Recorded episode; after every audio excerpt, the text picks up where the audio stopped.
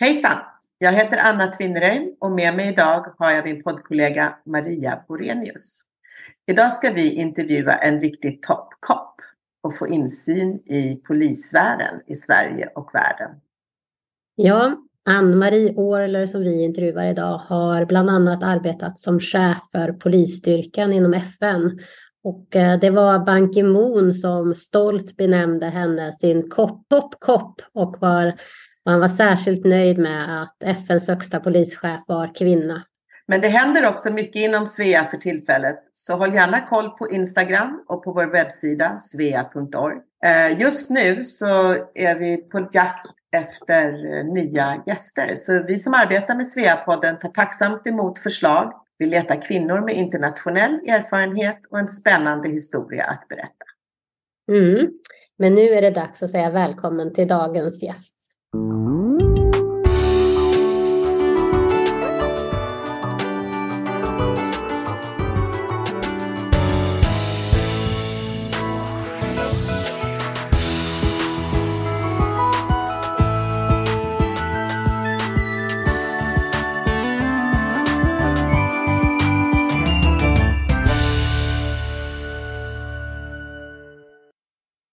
Jag heter Ann-Marie Orler och jag bor för närvarande i Brindisi i södra Italien. Jag är inte hemma i mitt hus norr om Stockholm. Hej Ann-Marie, vad kul att du är här. Välkommen till Svea-podden. Det ska bli eh, jätteroligt att få prata lite med dig. Och vi har naturligtvis läst på och är väldigt nyfikna på att höra mer om vad du gör idag och om din bakgrund. Varför började du läsa juridik? Ja, tack så mycket för uh, inbjudan att vara med här. Uh, ja, vad ska, man, vad ska jag börja någonstans? Jag vill egentligen bli skådespelare. Mm -hmm. Men uh, min pappa tyckte att jag skulle ha ett riktigt jobb. och då blev det juridik. Det var så, tvära kast. ja, men ibland har man glädje av att kunna ha olika roller också. men så, så, så blev det och jag var väl, jag, jag jag läste dramatik på gymnasiet och sådär, men jag, var, jag insåg nog någonstans att jag nog inte hade talang för att bli skådis. Så det blev inte så, men däremot så jag ägnade jag åt, mig åt studentspex och så. Så att jag ändå utövat det i, i någon mån och så har jag varit körsångare i, i många år. Eh, men i alla fall, juridik och Uppsala blev det. Och när jag var klar med det så, ja, jag gjorde mitt examensarbete inom immaterialrätt. Eh, sen när jag skulle ut och börja jobba, då hade jag hunnit också att få mitt första barn. Ja, jag sökte lite jobb och jag fick då jobb på Patent och registreringsverket som varumärkesjurist. Där var jag inte så där väldigt länge. Eh, det var en ganska vad ska jag säga, ganska eh, märklig miljö att komma in i som ung eh, jurist. Ehm, för det var, Patentverket är ett av våra äldsta myndigheter och det, det kändes. Utan då, eh, det var också igen då, min pappa som hade sett en annons att polisen sökte polischefer och då var kravet att man skulle vara jurist. Så då sökte jag in till den utbildningen och kom in på den och började då på Polishögskolan 1988 var det. Eh, och så får, det var, jag vill påstå att, och fortfarande, det finns inte kvar i den, i den, eh, på det sätt som det, som det var då, men det, det var en av de bättre eh, utbildningarna till, till, till, eh, som chef som staten hade faktiskt. För jag var både, man satt ting på tingsrätt ett helt år, man var på åklagarmyndighet, man var på länsstyrelse, länsrätt och naturligtvis Polismyndigheten. Så det var väldigt bred, det var nästan en treårig utbildning fast man jobbade samtidigt. Då. Så det var väldigt, eh, väldigt gedigen eh, utbildning och introduktion till eh, att bli en statlig tjänsteman så att säga. Men hur valde du juridiken då? Liksom? Det känns som att hade du liksom en, var det samhällsintresse eller var det ordning och reda? Eller vad var det som lockade just på juristlinjen? Det är nog samhällsintresse tror jag. Att jag har alltid varit intresserad av olika sakfrågor och eh, vad som händer i samhället och, och lite så. Så det, var, det föll sig ganska naturligt. Att det, men juridiken den, den kändes, det var, det var en, det är en tung och jobbig utbildning för det är väldigt mycket att läsa och, och sådär. Men jag är nöjd med den för att den är ganska bred också. Det, det är klart du kan gå traditionellt och bli åklagare, domare eller advokat eller så. Men det finns ganska många andra vägar också som man kan, som man kan gå. Så att eh, samhällsintresset skulle jag nog säga att det var det som... Och jag har också mycket rätt, det här med rättvisepatos och sådär finns också. Ja, då är det en jättebra grund att stå på. Bland annat så blev du ju sen länspolismästare i Västmanland. Mm. Och då är det lite intressant för oss som inte har varit inom polissfären. Eh, vad innebär då den här rollen som länspolismästare? Eh, då var det ju en myndighet i varje län. Så då var jag ju då chef för polisen i Västmanland. Ja, då är man ju chef för hela myndigheten. Vi var 650 anställda, både poliser och civila. Och då har man ansvar för administration, budget, personalfrågor, alltihopa. Eh, men också naturligtvis den operativa verksamheten. Så man var chef för hela polismyndigheten i den struktur som, som då var. Eh, det fanns fler kvinnor men det är ju fortfarande så att vi är i minoritet inom polisen på den högsta nivån. Eh, några stycken fanns det men, men inte, inte så, eh, så jättemånga. Det var, det var det ju inte då heller. Och vi kommer väl in på det där med jämställdhet lite mer sen och jag tycker inte att vi har gått så mycket framåt i den frågan fortfarande. Men, eh, men så var det, så att jag hade allt, hela tutti, eh, hela ansvaret för personal och verksamhet och eh, allt. Och man var ju utsedd av regeringen till den, den tjänsten då. Eh, sen fanns det ju på den tiden en förvaltningsmyndighet som hette Rikspolisstyrelsen och de hade Eh, budgetfördelningsansvaret, man, de hade inspektionsrätt och föreskriftsrätt. Men så man hade naturligtvis, vi träffades med regelbundenhet, rikspol, dåvarande rikspolischefen och alla länspolismästare. Men man hade ju ett eget myndighetsansvar, så man var ju myndighetschef. Hur länge jobbade du som länspolismästare då? Jag var de, biträdande först en tid och sen åkte jag utomlands i några år till Frankrike. Och så kom jag tillbaka och var biträdande ett tag till. Sen fick jag, blev jag utnämnd eh, faktiskt första april eh, 2005 måste det ha varit. Ja. Eh, ja, sen det som gjorde att jag, jag, det blev totalt blev det väl en eh, kanske uppåt en åtta år till och från, men, men jag gjorde då de här utsvävningarna internationellt. Eh, och sen blev det av en slump att jag fick kännedom om att man sökte, och man ville ha en biträdande polischef till FNs polisavdelning. Och det hade inte jag tänkt på, så det, det, är, en, det är en rolig historia i sig. När jag fick ta, höra talas om det här så var det en, eh, en kollega då som eh, tyckte att jag skulle söka och jag satt och det var sista ansökningsdagen var samma dag. Så att jag satt till ett på kontoret och fyllde i alla papper. För det är inte lätt att söka till internationella organisationer. Det är väldigt omfattande ansökningsförfarande.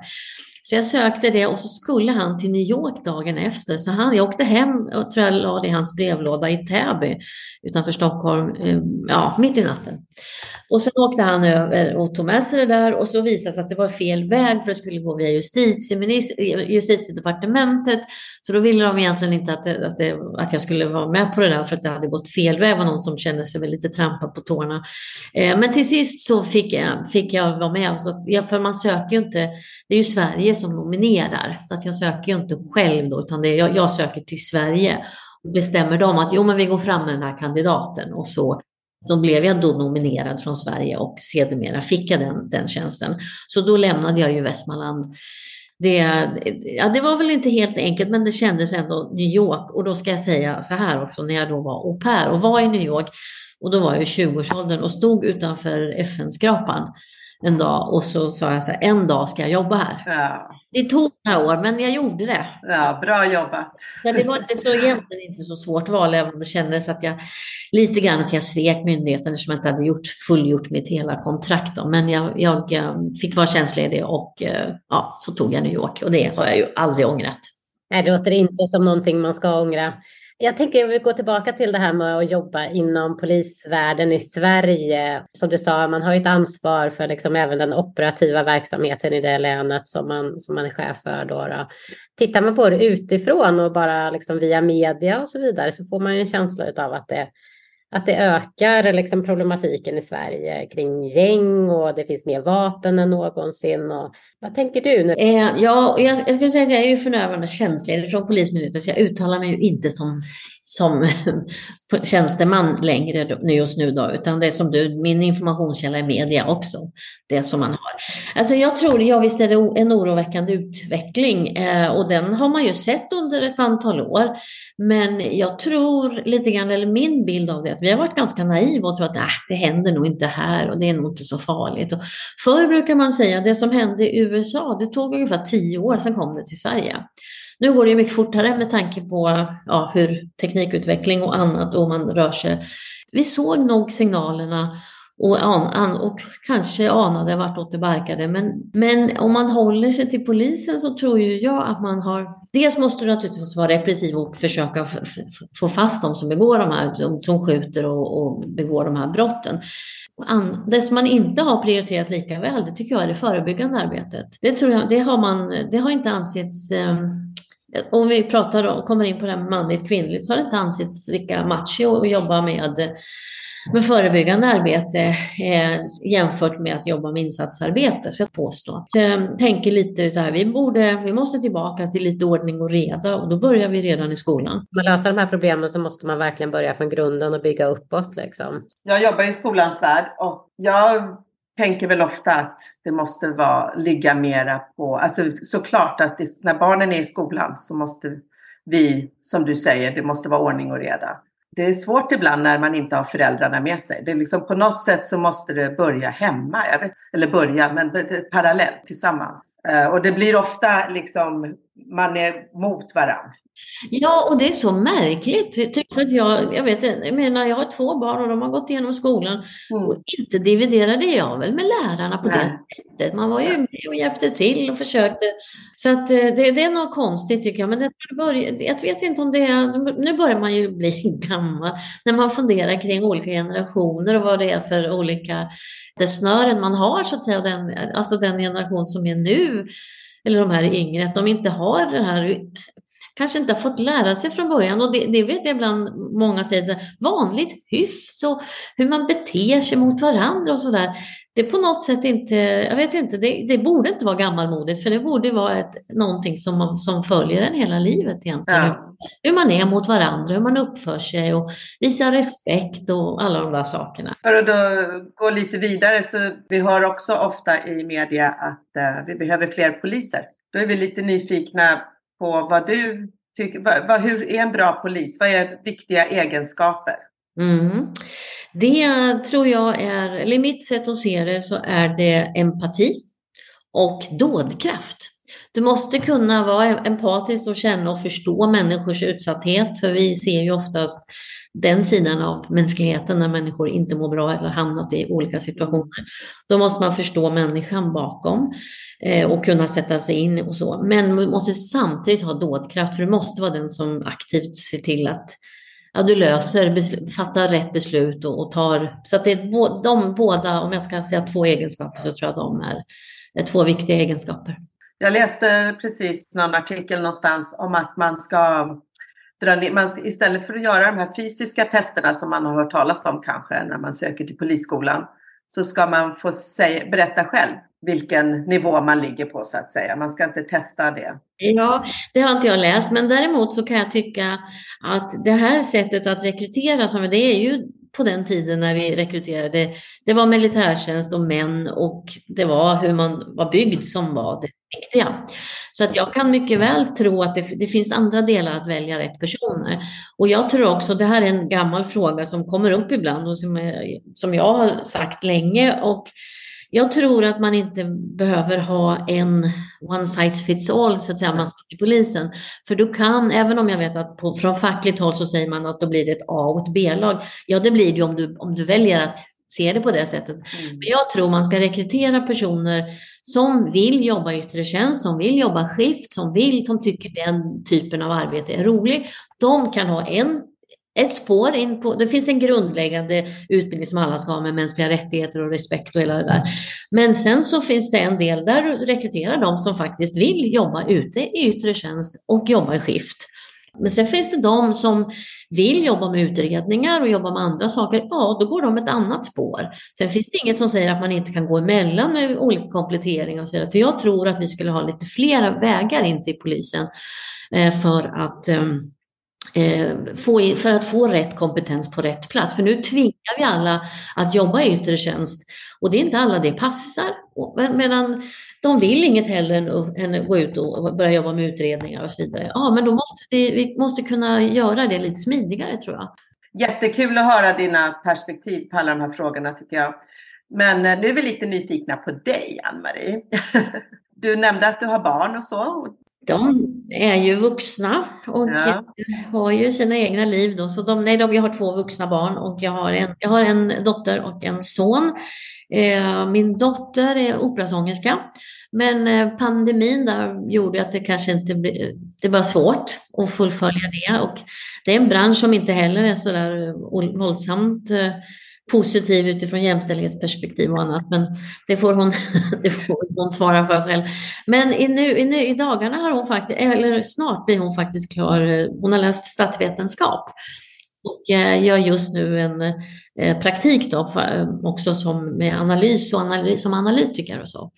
Eh, så hon har sadlat om, men hon sjunger fortfarande och, eh, och är mycket, mycket, mycket duktig. Jag är ju naturligtvis inte opartisk, men hon är väldigt eh, begåvad. Det låter ju väldigt well-rounded. Jag tycker ja. om det ordet när man pratar om människor. Från operasångerska till analytiker. Ja, nej men hon, hon är, det, så det, det, här tror jag passar också bli bra. Så har hon kvar som sjunger och sådär lite grann, lite då och då. Mm. Så, att, ehm, det, det, så, där, så där är hon. Eh, och eh, sen har jag en son som är, han är advokat och har, eh, han har två små barn, av blivande fru och två små barn också, så jag har två små barnbarn. Ja. Min dotter har inga barn. Nej. Bor i Stockholm, eller i Sverige skulle jag säga. ja, Sverige. vi bor ja. numera faktiskt alla i fyra mil norr om Stockholm, så vi bor på, i samma lilla ort allihopa. Ja, härligt.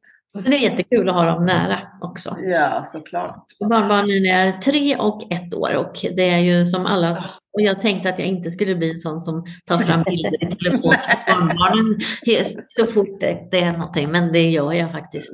Sån blev du också. Ja. Sån blev jag också. Vad, ja, men vad roligt att höra. Och sen eh, är det ju det här, vad, vad, du har gjort hur mycket som helst och i Sverige, utanför Sverige och sådär. Men berätta vad du gör för tillfället. Ja, men jag var ju, när jag bodde i New York som ju blev nästan fem år, då var jag chef för, då, först var jag biträdande och sen blev jag chef för det som heter Police Division som ju är då FNs polisavdelning kan man säga. I där finns ytterligare en avdelning som heter Standing Police Capacity och det är en enhet med eh, 36 poliser och civila som snabbt kan åka ut, lite av konsulter, poliskonsulter kan man säga lite slarvigt, eh, som snabbt kan åka ut och stödja i de här fredsbevarande operationerna. Och den eh, avdelningen eller styrkan finns i Brindisi. Så att här eh, sitter vi och jobbar eh, och är ofta ute faktiskt utskickade och eh, till stöd för de, de fredsbevarande operationerna som fortfarande finns. Men det finns ju också politiska missioner, men vi jobbar också ibland lite förebyggande där vi kan gå in i olika länder, till exempel inför deras eh, val så kan vi vara där och hjälpa till att säkerheten är på plats och utbilda och göra lite olika saker. Så att jag är tillbaka till eh, Police Division, men nu som en av, en av eh, cheferna för en, en enhet. Då. Och är det ett tidsbegränsat uppdrag eller? Ja, det är det. Man, jag är ju sekonderad, så jag är utskickad av Sverige. Så att jag har gjort två år nu, eller ja, två år nu i januari var det. Så att jag kan göra två år till, sen är det slut.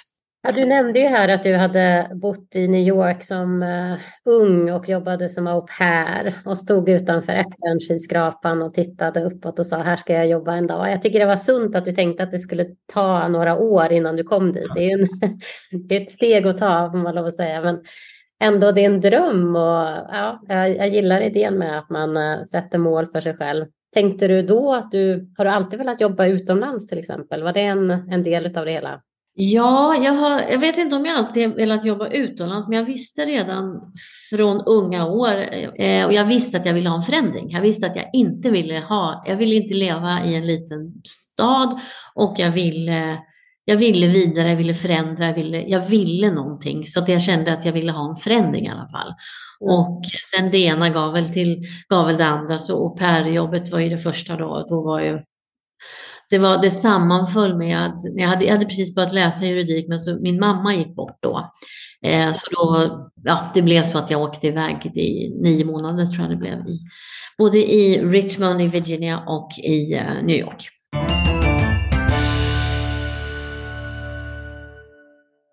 Svea är den största ideella Sverigefrämjande organisationen utanför Sverige.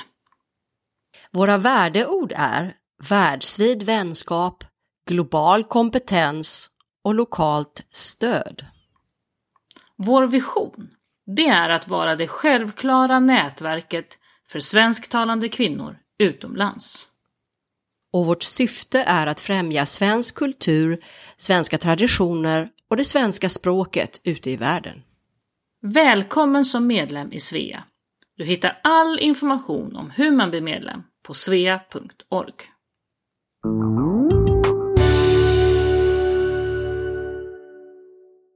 Och du nämnde det jobbet du har nu där ni har då olika uppdrag runt om i världen att till exempel eh, ansvara för eller vara del av säkerheten i samband med val och så vidare. Och jag förstod att du också varit ute och besökt en del av de här platserna. Det måste vara ibland ganska emotionella och jobbiga resor. Det händer ju.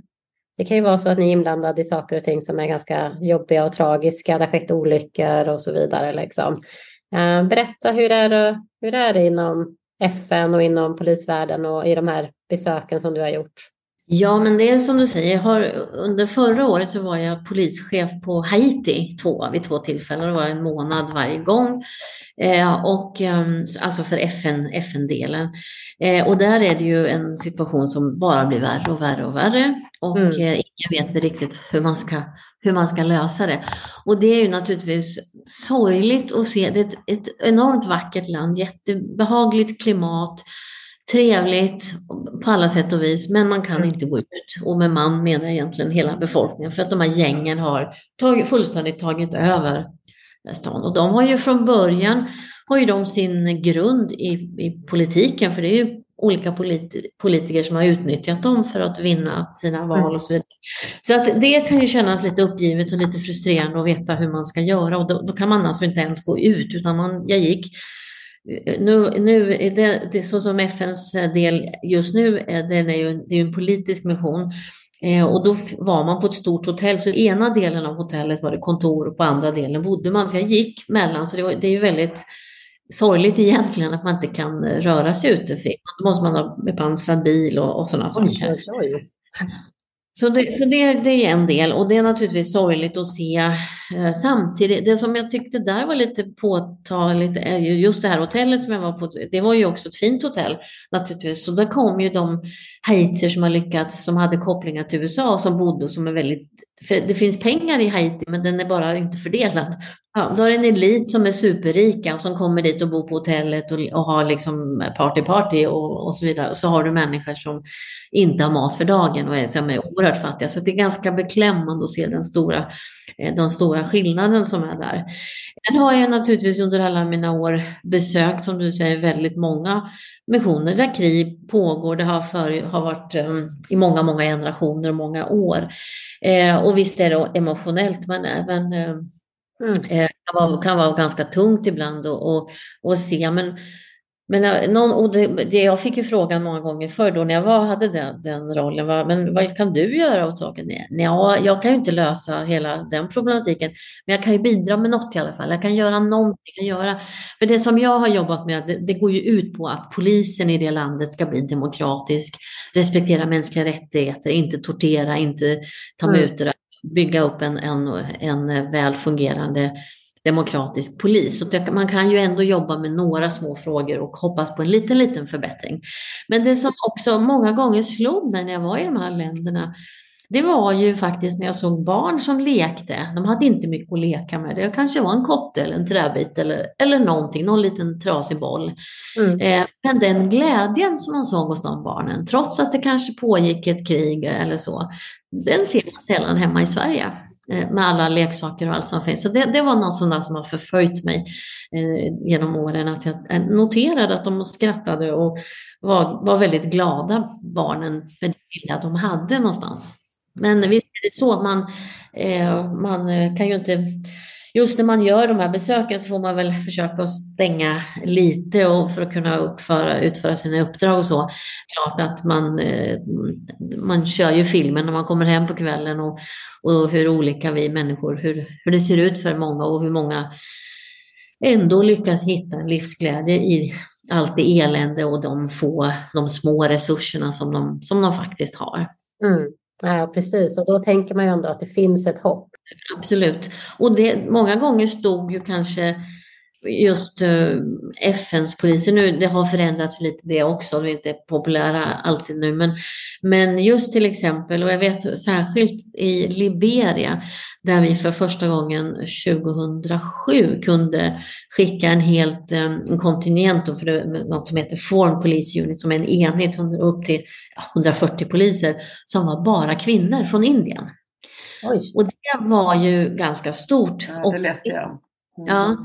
och det var ju, det, det kunde ju ge hopp hos de unga tjejer som växer upp och som inte ser någon framtid och sådär. Och det, det också visar också på att kvinnor inte bara ska gå ut som, som offer och de som tar hand om andra kvinnor, utan kvinnor kan också stå för de som ger säkerheten, som står för skydd och säkerhet. Så det var lite viktigt att visa också att det finns flera delar i det. Och, mm. Alltså på det sättet kunde man ju inge lite hopp hos de eh, unga tjejer då som, som växte upp i en, i en hopplöshet men se att det finns kanske en väg för mig att göra någonting annat. Nej, och förändring är ju små steg framåt, så är det. Um, mm. Men uh, vad skiljer sig vad polisen kan göra i de här situationerna kontra till exempel en militär uh, insats eller en organisation? Hur kan, alltså vi som inte förstår som är från utsidan, vad gör poliserna, vad gör militären liksom? Mm. Men eh, så här är det oftast, om man frågar människor om eh, fredsbevarande insatser av FN så, vi, så tror alla att det bara är militärer. Och det är, det är, lite av det som man får kämpa med som polis för att förklara vikten av att faktiskt polisen finns med från början. För militären är, de är oftast eh, väldigt många och de står ju för att bygga upp säkerheten i det, i att, vi pratar ju om efter en konflikt. Då. Eh, att, och de har inget kapacitetsuppbyggande mandat utan de ska säkerställa att den andra delen av FN som är både civila och poliser kan utföra sina uppdrag. Eh, och då, för så, det bästa är att polisen är med från början men kanske i mindre skala för då är det fortfarande eh, osäkerheten är inte särskilt stabil så du kan inte röra dig fritt och så vidare. Men om man tänker när, när, man, när ett samhälle börjar kollapsa och på väg in i en konflikt eller en, en, en, ja, en, en kollaps. Då det, det första, bland de första tecknen man ser det är att, det, att polisen, åklagaren, rättssystemet inte fungerar. Det är bland det första som kollapsar. Mm. Om det kollapsar, då är vägen in till konflikten ganska, ganska kort. Då går, då går man in i det. Så därför är det, och för att få ett, ett samhälle, bygga upp en stabilitet och ett säkert samhälle igen, då måste du ha hela rättssystemet och polisen, åklagare, domstolar och fängelser. Hela den kedjan måste fungera. Så därför är polisens insatser att bygga upp den här reformen och bygga polisen, upp, bygga upp polisen igen, den är oerhört viktig att den finns med från början och får ta plats. För, för oftast har ju både polis och militär har ju kanske haft en del i i konflikten, men man har inget förtroende för en polis som, som är en del av den, den apparaten som har förtryckt sina medborgare till exempel. Då måste man börja bygga upp förtroende igen och eh, då måste man kanske rensa ut en del av de poliser som man måste lära om hur man ska eh, rekrytera och hur man ska eh, vetting, eh, vad säger man på svenska, att man, att man, eh, alltså man kollar, eh, granskar eh, bakgrund, att man inte har olika kriminella delar och så vidare. Och, så och det är inte helt lätt i, de här, i den här situationen man, det här landet befinner sig. Men det är oerhört viktigt att bygga upp förtroendet igen. Och jag, eftersom jag jobbar på engelska då, så brukar jag väldigt ofta, har jag sagt i många, många år, brukar jag egentligen aldrig kalla en polis för Police Force. Jag pratar alltid om Police Service därför att det, det handlar om att ändra mm. mindsetet, att man tänker som att man, man, man jobbar med service istället för att man jobbar med, med kraft och liksom force. Mm. Polis behöver du båda, men, men huvuddelen är ju egentligen att ge service och att du är där för att, för att medborgarna i, sam, i, i, um, i samhället ska känna sig trygga och eh, veta att man kan vända sig till en polis om man blir utsatt för ett brott eller, eller så. Så att därför är polisen oerhört viktig men, har inte, men får inte den, den, den uppmärksamhet som man faktiskt skulle, skulle få. Därför att ja, vi ska inte, inte, prata för mycket om FN så, men, men FN som det, det, det är väldigt mycket de, de här länder som skickar stora militära insatser, det, det, det finns lite pengar att tjäna i det. Så det, det finns tyvärr en liten, kom, liten kommersiell del i att det, är, att det är väldigt lönsamt att skicka militärer. Så därför skickar man väldigt många eh, militärer och eh, polisen är lite, inte riktigt, riktigt lika lönsamt så att säga. Så därför så blir det, och det, det är svårt att ändra den inställningen. Den är alltjämt väldigt militärdominerad skulle jag vilja påstå. Men båda behövs och de har lite olika roller. Där polisen är kapacitetsuppbyggande och militären står för säkerheten. Så vi har nämnt det lite grann det här med jämställdhetsfrågor som jag tror kanske ligger dig varmt om hjärtat. Och du har jobbat globalt med just det.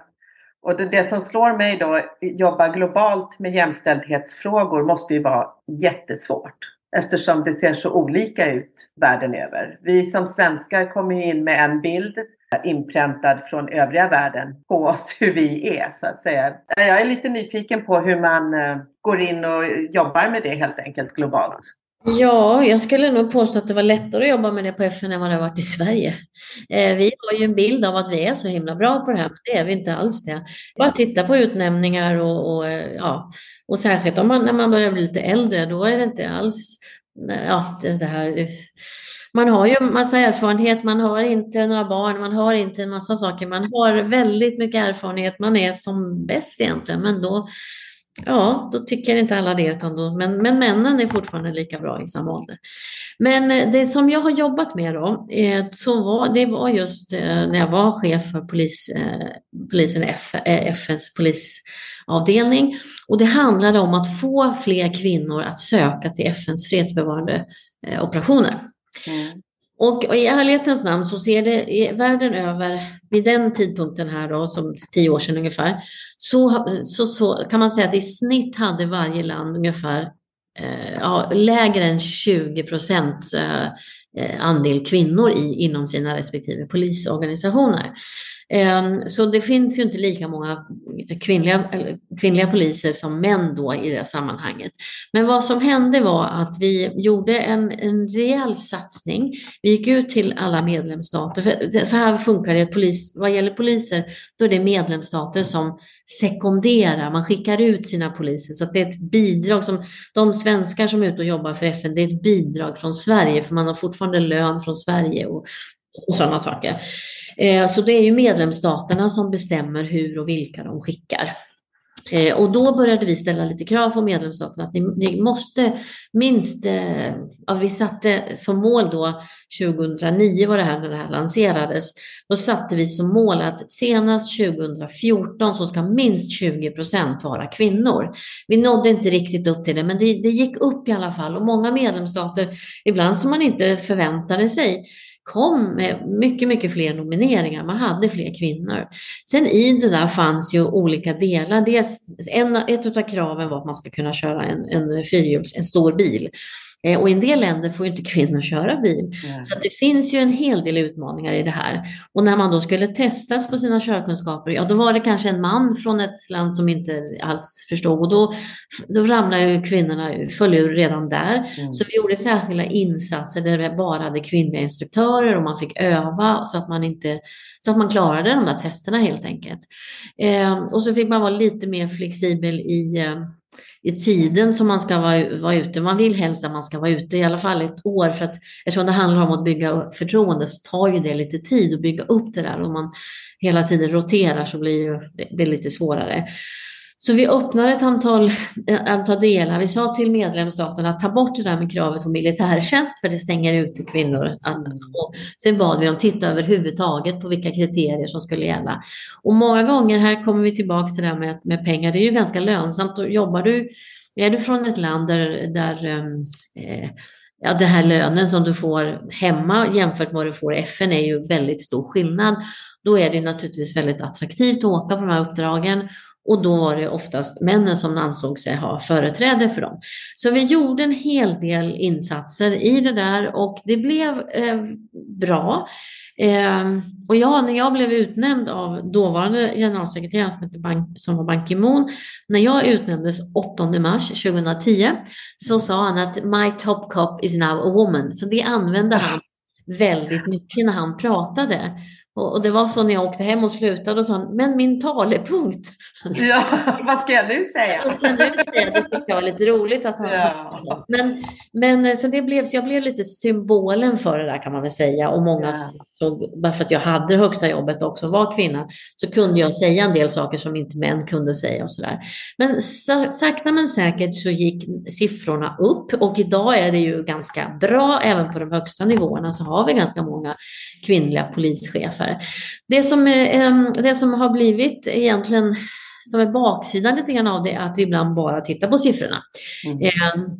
Men det måste ju också vara så, för det, är fortfarande så att om man åker ut och besöker så kan man se att de har visserligen bra siffror, men tittar man på vad, vad de gör så, han, så håller kvinnor ofta på med administration eller servar och sådär, medan männen gör mer de eh, polisiära uppdragen. Så det, där, det, det återstår att bli bättre på det. Så att, och det är det som är faran när du sätter upp eh, mål så med siffror, procentandel, att då jobbar man på att få det och sen så slår man sig för bröstet och säger ja, nu är det klart. Nu är vi klara. Ja. Mm. Nu är vi klara och då blir det siffrorna i sig som blir intressanta, men så är det ju inte, utan det är ju faktiskt inflytandet som är ännu mer viktigt. Men, så det, det har jag jobbat med och visst var det det som hjälpte mig i den här, med det uppdraget var att jag hade högsta polischefsuppdraget.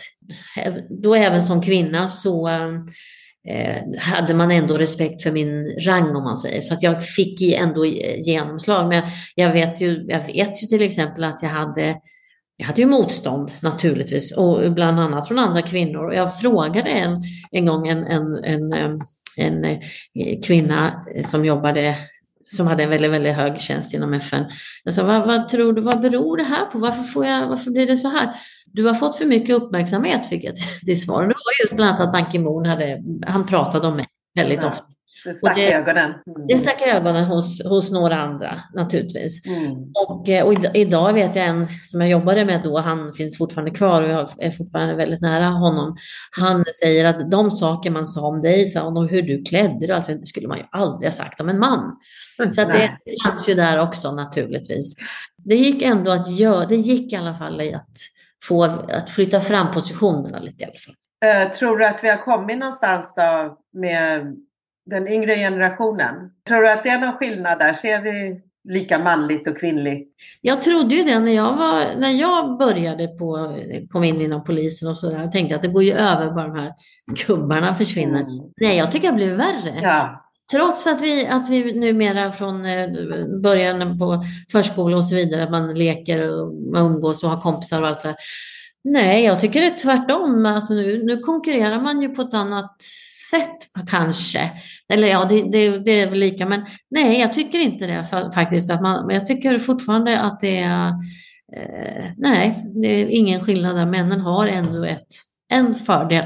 Mm.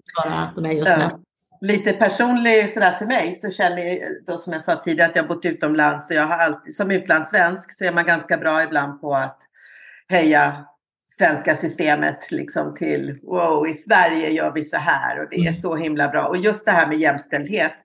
Och det, jag skrattar åt det nu för att jag åkte ut när jag var 23. Liksom. Jag hade aldrig riktigt varit vuxen i Sverige men ändå så var det liksom, man hade den um, rollen som svensk att man var jämlik och att det, man stod för det och det stod Sverige för. Och liksom så, och till och med Kanada då som är väldigt likt Sverige, men de så, ser upp till Sverige och tänker att eh, där är det så jämlikt. Men nu sen jag kom hem så ser jag ju att det är inte så stora skillnader. Att, eh, alltså vi sprider ett falskt rykte, vi, ja. vi som bor, ja. eller utlandssvenskarna. Eller man, tro, man gör det inte med flit, för man tror att det är så. Liksom. Ja. Men, um, mm. ja, men det är lite grann, går tillbaka till också när vi pratar förut om organiserad brottslighet och det här naiviteten. Vi har en bild av oss själva som inte riktigt är som den kanske var en gång. Vi tror att vi är väldigt mycket bättre och vi kan mycket mer. Men i, by the end of the day så nej, vi är inte så mycket bättre. Det finns många saker som, är, som jag tyckte kanske var bättre när jag bodde i Frankrike. Och i, ja, så nej, det, det, det, är lite, vi är lite bra på olika saker. Men vi är inte så, så och just det här med jämställdhet, det har jag ju ofta, väldigt ofta fått frågan att komma och prata om och sådär. Och det svårare och svårare just när man lyfter fram Sverige. Men jag kände, men vad sjutton ska jag säga nu då? Det blir inte alls så här himla bra som, alla, som ryktet säger. Nej, precis. Äh, det är väldigt intressant tycker jag. Ja, spännande att höra om dina tankar kring det här och eh, få lite internationella perspektiv på det. För det är klart att eh, det hjälper ju till också att um, se sin egen omvärld på ett annat sätt. Både när det kommer till typen av kriminalitet men också på lösningar och så vidare. Så att eh, vi får kämpa vidare, så är det. Nu tänkte vi bara avsluta med att fråga lite grann om, eh, ja, men, eh, om dig och vart du bor och, och lite grann hur du tänker framåt och så vidare. Du nämnde att du kan stanna kvar två år till i Brindisi. Hur tänker du där då? Är det, är det, tanken är att stanna och kommer du tillbaka till Sverige sen efteråt eller vad, vad ser du kommer hända därefter? Ja, jag har ju i vart fall kontrakt till januari nästa år och sen kan det då som sagt bli ett år till. Och det kanske, det, det är inte bara upp till mig, men, eh, men det, det, är väl mycket troligt att jag gör det. Ja, sen kommer jag nog tillbaka till Sverige om inte det dyker upp något annat. Eh, och ehm, då, jag är ju tjänstledig, så det, då går jag, om jag inte hittar något annat så att säga, så går jag tillbaka till polisen och jobbar de sista åren innan jag sen så småningom kan gå i pension. Eh, så det är väl, jag har, inga, jag har inga konkreta planer just nu utan det är väl så det så att jag kör på här så, så länge eh, jag tycker det är roligt och eh, sen så kommer jag hem till Sverige och hittar något spännande där hoppas jag. Hur är det att bo i södra Italien då? Brindisi, vad gör man? Man äter och dricker gott kan jag föreställa mig. Ja, det är ju helt, och särskilt nu när man pratar om alla hemma med priser och sådana där saker så är, ju rätt, så är det lite lyxigt att få bo här med de fina fantastiska råvaror.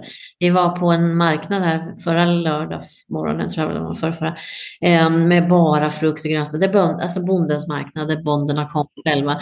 Och det var eh, tomater, fantastiska tomater som kostade 10 kronor kilot och sådär. Och som smakar helt så här solvarmt. Ja, det, så det är naturligtvis en helt, eh, just den delen att det är väldigt goda råvaror, väldigt god mat.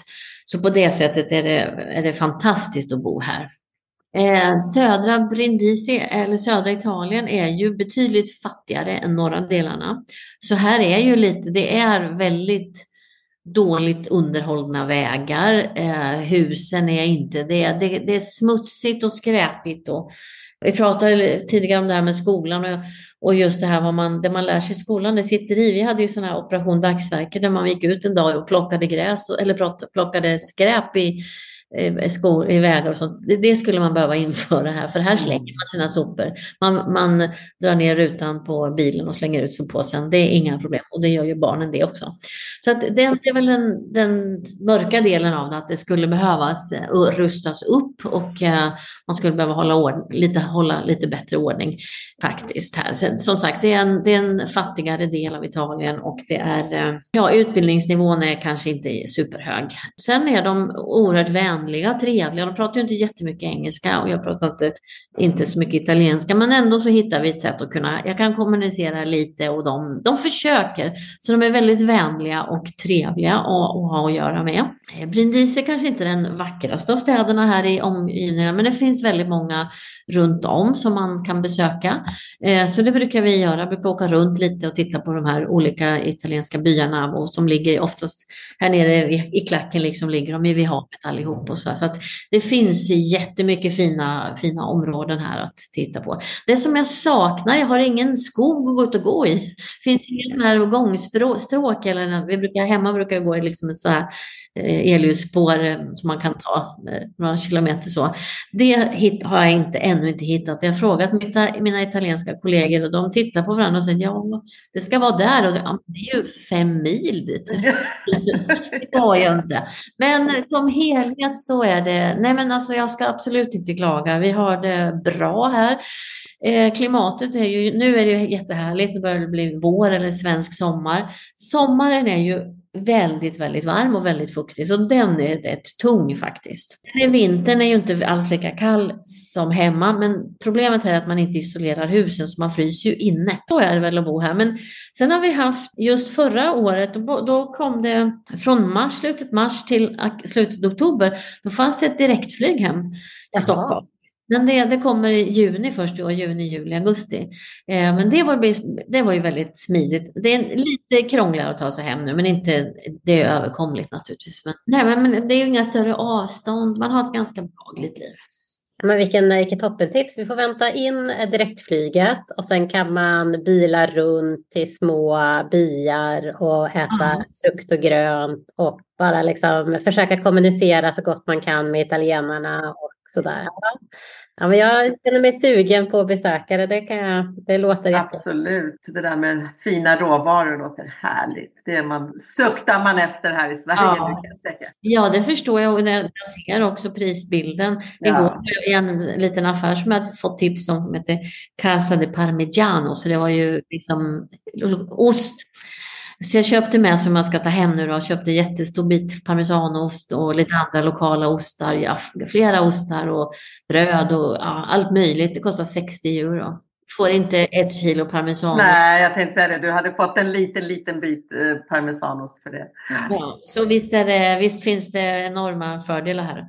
Nej, men det är det man lär sig när man bor utomlands också skulle jag vilja säga. Att man, som du nämnde lite förut, att kunde vi ta lite bitar från alla ställen så mm. hade vi kunnat gjort det perfekta. Fast att man får ju upp ögonen och man av det här att jämföra olika ställen så inser man att ja, man har det bra. Ja, men det gör man.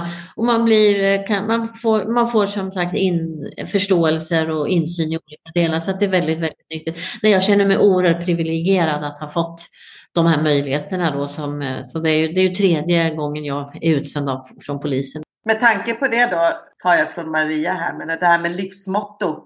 Har du något sånt som du brukar landa i? Ja, det, det, har väl kanske varierat lite under, under årens lopp, men det som jag någonstans, och det är ju inget märkvärdigt, det jag kommer tillbaka till är att ingenting är omöjligt. Det kan bara ta lite längre tid ibland, vissa saker, men ingenting är ju omöjligt. Sen har jag ibland funderat kring det här med karma, att de här elaka, onda människorna som man trots allt stöter på som, som chefer och annat. Det är någonstans så, till sist så får de ett straff ändå. Lite så. Ja. Jag känner. Det kan också ibland ta lång tid, men det, till sist så brukar det komma ifatt. Och det är bra att du, jag tänker med de frågorna som du jobbar med, att du känner att, att uh, ingenting är omöjligt. Det gäller bara att ta små steg framåt. Ja, och hitta vägar att kunna påverka någon liten, liten del till, göra det lite bättre för några människor i alla fall. Tack så jättemycket för att du har varit med. Det har varit jättelärorikt och polisen och, och de här internationella erfarenheterna. Det har varit jättespännande att få höra dina tankar om det. jätteroligt Ann-Marie och vilken eh, förebild du är tycker jag. Du har inte varit rädd att ta chanser känns det som. Liksom. Nej, det har citera Ban Ki-Moon. You're a top... Top cop. top cop, precis.